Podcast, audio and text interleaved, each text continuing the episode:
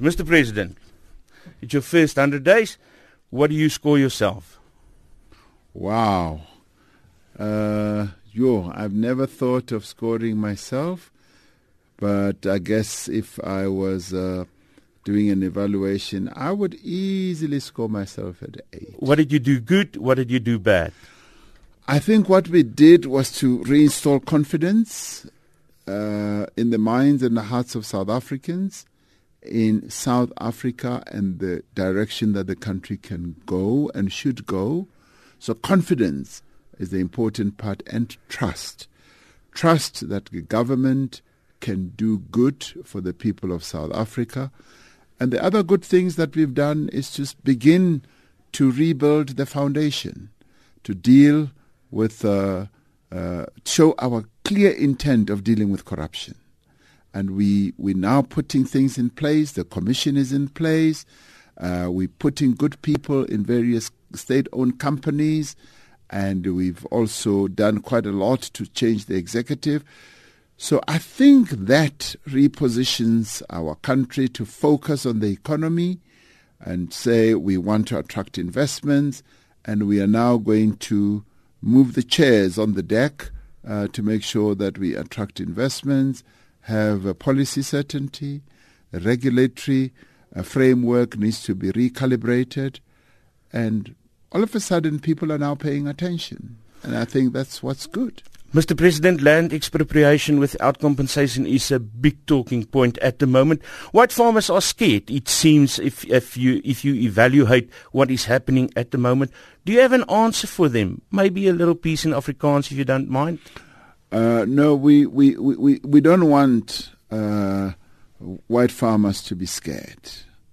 Uh, die boere moet nie bang word nie. Ons gaan hierdie uh, probleem van land mooi hanteer.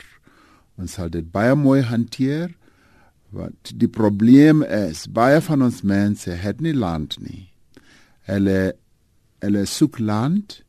Ons moet saamwerk om hierdie probleem te oplos.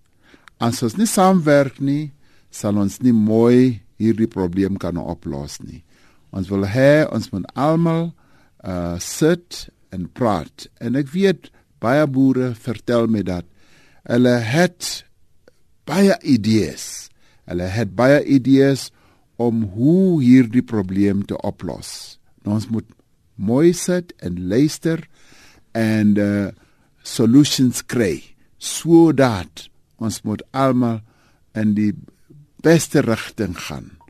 Hierdie probleem is nie baie moeilik nie. Uh, ons kan dit oplos. Uh, dit wil net hê ons moet saamwerk, ons moet saampraat, ons moet proble hierdie probleem mooi oplos. Dit beteken nie dat uh, ons gaan uit uh out of the constitutional framework werk nie. Ons wil hê ons moet dit die die die die die reg die reg the law must be utilized to solve this problem and we will handle it as careful ons het baie moeilike dinge uh, wat ons gehad het uh mooi hanteer. Mm.